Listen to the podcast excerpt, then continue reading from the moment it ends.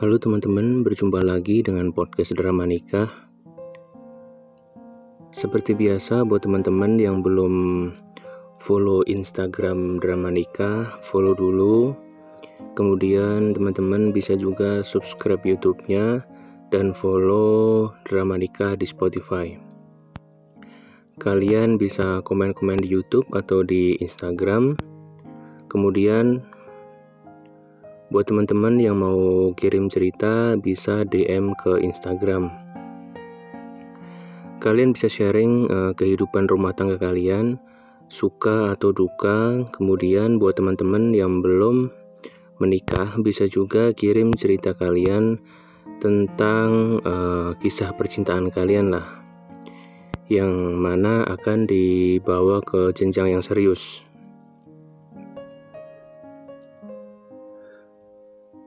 Langsung aja ke cerita hari ini yang dikirimkan oleh pendengar drama nikah di Instagram.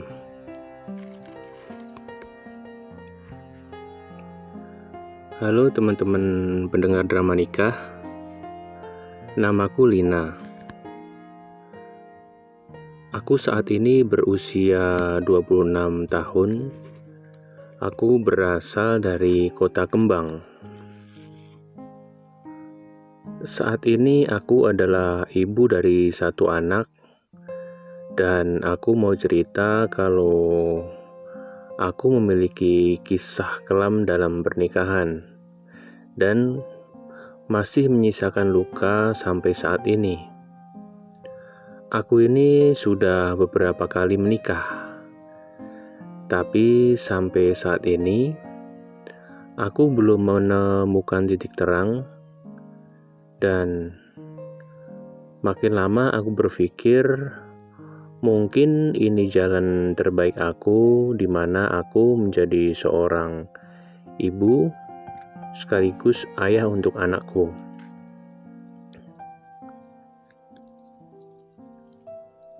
Jadi, teman-teman pendengar drama nikah, Aku akan cerita dari awal kisah hidup aku. Dulu aku ketika usia 19 tahun pernah bekerja di toko baju di salah satu mall di Bandung yang bernama Lucky Square. Waktu itu ketika aku mulai kerja sebenarnya baru saja lulus SMA Nah, aku langsung cari kerja. Aku melamar pekerjaan di mall itu. Alhamdulillah, tak lama kemudian aku diterima kerja di toko itu dengan ijazah SM, SMA yang baru saja aku terima. Singkat cerita, sudah satu tahun aku bekerja di toko tersebut dan toko itulah yang menjadi saksi bisu cinta pertama aku. Waktu itu, aku bertemu dengan seorang pemuda yang tampan bernama Haris. Dia ini bekerja di sebelah toko aku. Dia sebagai satpam di situ, yaitu tempat karaoke. Sejak awal bertemu, kami memang saling sering saling pandang. Dan aku rasa dia memang punya rasa sama aku. Sampai akhirnya dia meminta nomor teleponku. Ya, di situ aku beri karena memang aku juga sedikit menyukainya. Bahkan dibilang ya seperti tadi ini cinta pertama aku. Karena sebelumnya aku ini belum pernah berpacaran, dari kecil belum pernah dan memang belum pernah menyukai laki-laki. Setelah kita kenal dan sering ngobrol, kemudian jalan bareng, Akhirnya dia sempat mengajak aku untuk membawa hubungan ini ke jenjang yang lebih serius. Sebenarnya, kami ini baru kenalan paling baru di dua atau tiga bulan saja. Tetapi, aku menyambutnya dengan bahagia, campur tak percaya. Karena ternyata secepat itu aku akan melepas masa gadisku. Nah, namun sayang sekali, ternyata orang tua dia ini tidak merestui hubungan kita. Karena ternyata orang tua dia, orang tua Haris sudah punya calon mantu yang sudah lama sengaja akan dijodohkan dan itu sangat membuat aku kaget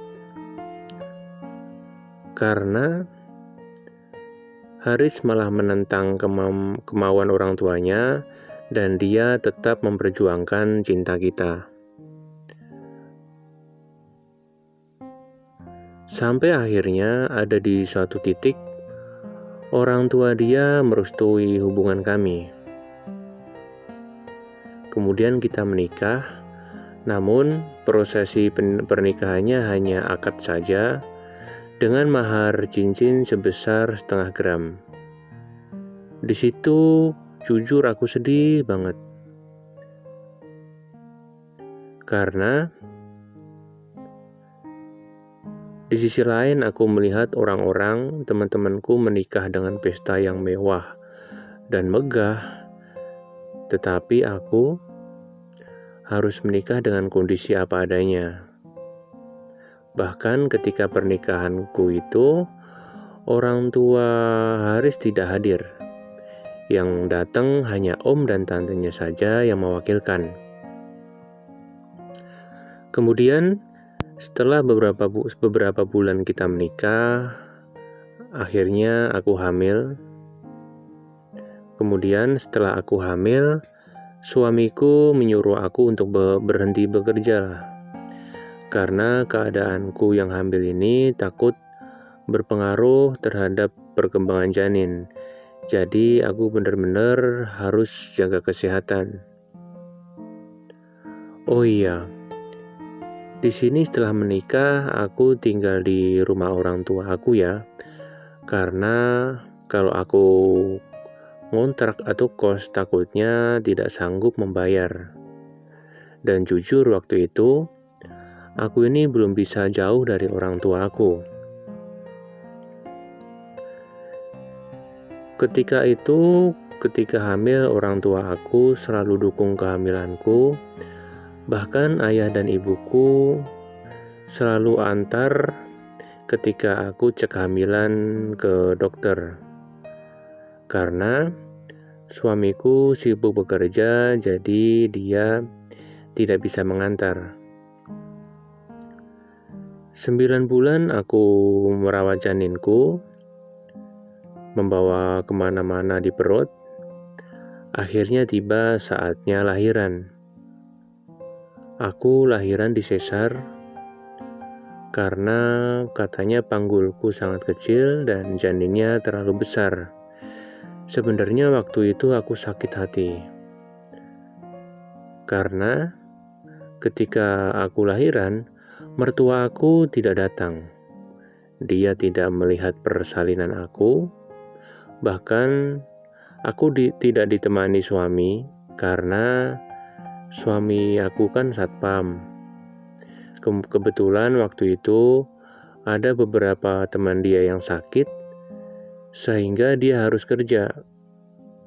Otomatis dia tidak bisa menemani aku ketika lahiran. Meskipun sedih, tetapi waktu itu aku masih bisa tersenyum dan bersyukur karena anakku bisa lahir dengan selamat, sehat, dan tidak kurang satu apa pun. Setelah selesai bersalin dan masa pemulihan,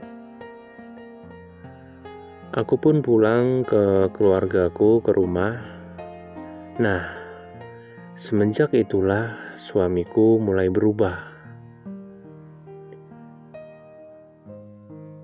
Katanya waktu itu karena tuntutan kerja, suamiku ini jarang pulang. Apalagi dia selalu dipindahkan tempat kerjanya, istilahnya di rolling dari posisi kerja di tempat A ke B, kemudian ke C. Jadi, gara-gara itu kita ini semakin jauh. Maksudnya, tempat kerja dengan rumah aku ini semakin jauh.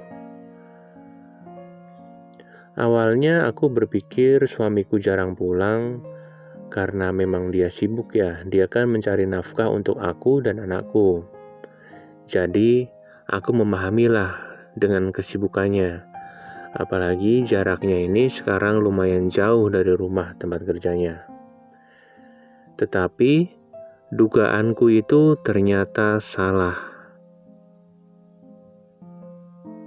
Ternyata suamiku main belakang dengan seorang wanita, dan wanita itu merupakan orang yang dulu sempat dijodohkan oleh orang tuanya. Panggil saja wanita itu namanya Neng. Waktu itu aku sempat khawatir ya, karena suami ini tidak pulang tiga hari bahkan waktu itu malah jadi seminggu dia tidak pulang dan ternyata dia pulang ke rumah wanita itu yang bernama Neng. Kenapa aku tahu? Karena mertua itu mertua itu kasih tahu sendiri ke aku. Jadi si mertua itu seolah-olah komporin aku lah kalau suamiku sedang bermesraan dengan Neng. Di situ aku sedih dan sakit kenapa mertuaku seperti itu. Aku sangat sedih, sakit, karena ini adalah cinta pertamaku. Kok seperti ini gitu? Aku nggak terbayang kalau nikah itu jadi seperti ini. Dan itu menjadi penyesalanku yang pertama telah jatuh cinta kepada orang yang salah. Sebenarnya ini sudah beberapa kali ya. Aku sudah memaafkan dia, memaafkan kesalahan suamiku. Namun yang bikin aku tambah sakit hati itu orang tuanya. Orang tuanya itu justru malah membela wanita itu. Emang dia ini kayaknya lebih serak untuk menjodohkan anaknya dengan wanita itu. Karena hal itu, lama-lama orang tuaku pun juga ikut sedih. Akhirnya orang tua karena tidak sanggup melihat aku sakit, sakit hati, jadi mereka meminta aku untuk bercerai. Nah, singkat cerita, akhirnya kita bercerai. Jadi, di sini aku bercerai dengan suamiku yang pertama. Ketika bercerai pun aku sendiri loh yang mengurus ke pengadilan. Suamiku ini jangankan datang ya. Dia tidak pernah kelihatan. Lagi-lagi ini bikin aku sakit hati. Karena ketika cerai dia itu waktu itu langsung setuju karena memang dia sudah memilih wanita itu. Jadi dia ini ketika cerai meninggalkan anak dia yang pertama itu benar-benar bikin aku sakit hati. Setelah cerai sekian lama akhirnya aku berjuang sendiri mengurus buah hati aku jadi aku menafkahi anakku tanpa bantuan mantan suami karena memang aku sakit hati dan aku tidak mau kalau dia ikut campur ke urusan keluargaku. Di situ aku hanya hidup dengan malaikat kecilku menemani hidup walaupun jujur aja dalam kondisi susah dan kekurangan. Jujur, setelah menjalani hidup sendiri, aku merasa bosan. Aku capek, dan aku seolah-olah kesepian dan gimana ya aku jadi butuh pendamping lah karena ternyata hidup sendiri itu berat di samping itu aku juga iri kepada orang-orang yang bisa sukses bahagia bersama keluarga kecilnya aku di sini mulai akhirnya mulai bermain sosial media aku berharap aku mendapatkan teman dekat yang bisa diajak ngobrol dan kalau misalnya cocok bisa jadi ayah dari anakku ini. Setelah beberapa minggu bermain sosmed, aku akhirnya menemukan satu orang laki-laki yang bernama Adi. Tetapi lagi-lagi aku melakukan kesalahan. Waktu itu aku terlalu cepat percaya kepada dia karena aku waktu itu akhirnya menikah yang kedua kalinya dengan laki-laki namanya Adi. Dan ini pernikahan ini jujur saja sangat singkat karena aku hanya mengenal dia lewat Facebook. Lalu kita sempat berbincang-bincang dan dalam jarak seminggu kita langsung menikah waktu itu jadi cepet banget baru kenal seminggu langsung menikah karena waktu itu alasannya menurut dia kita nggak boleh pacaran. Takut zina. Jadi kita kenal seminggu langsung menikah. Kita waktu itu menikah secara sirih. Dan kenapa orang tua aku merestui? Karena orang tuaku ini tipe orang yang uh, nurutlah sama kemauanku. Yang penting uh, aku cocok serak ya udah direstuin. Jadi orang tua aku tuh seperti itu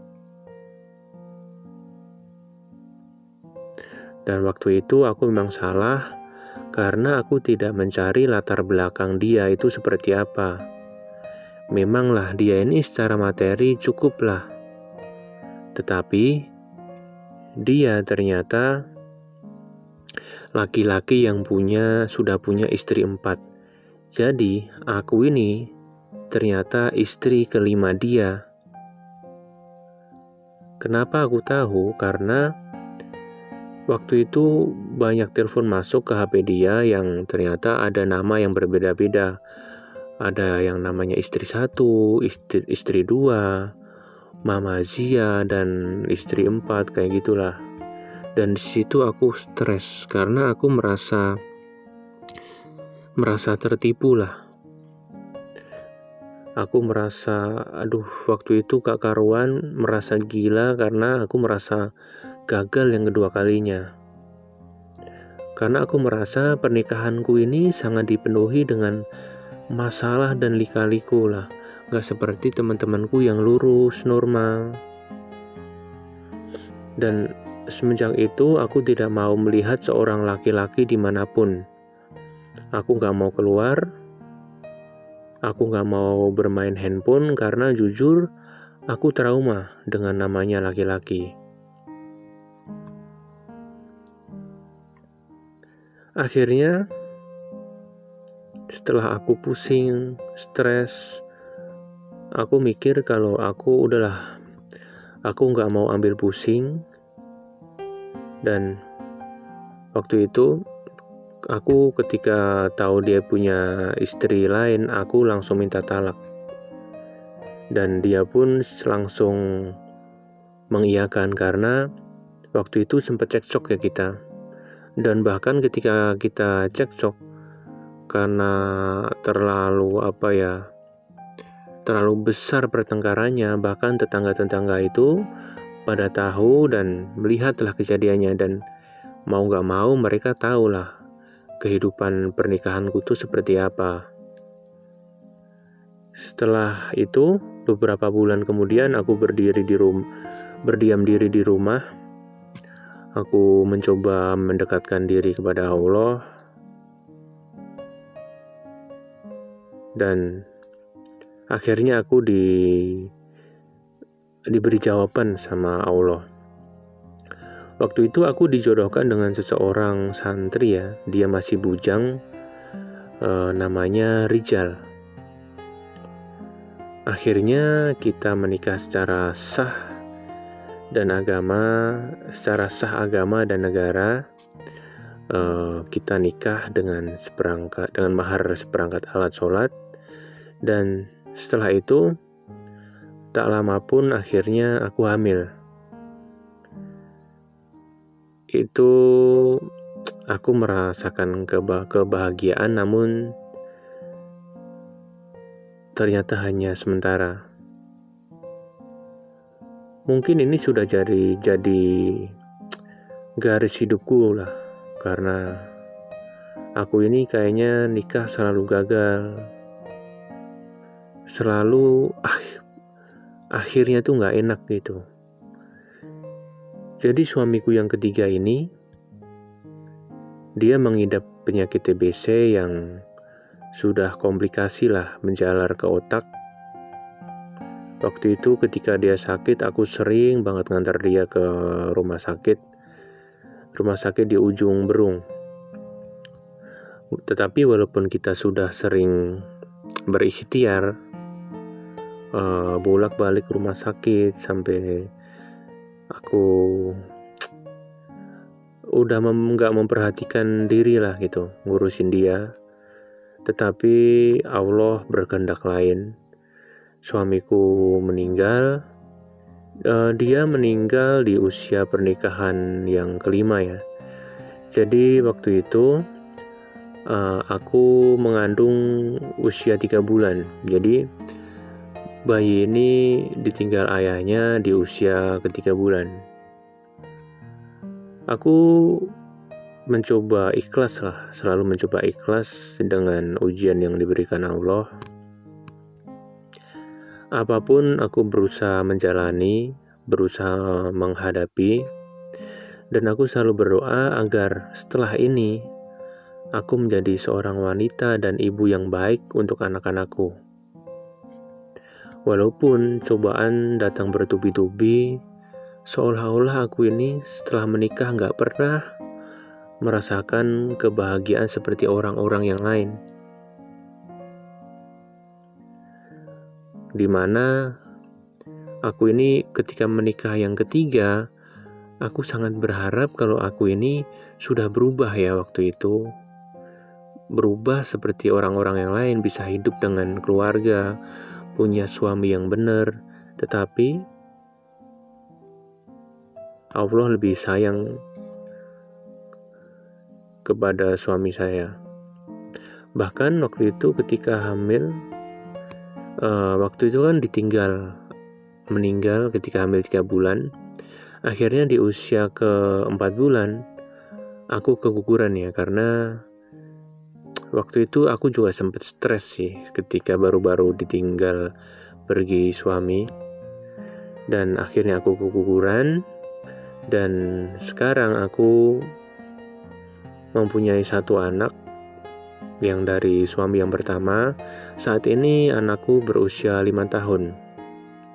Dan aku sangat berharap agar Allah memberikan syafaat terhadap apa yang aku hadapi. Semoga aku selalu tabah menghadapi ujian. Dan sekarang ini jujur aku menutup rapat-rapat uh, terhadap pernikahannya Aku menutup rapat-rapat drama pernikahanku setelah ditinggal suami. Aku memang berusaha bisa menjalani hidup hanya berdua dengan anakku walaupun dalam kondisi yang kekurangan.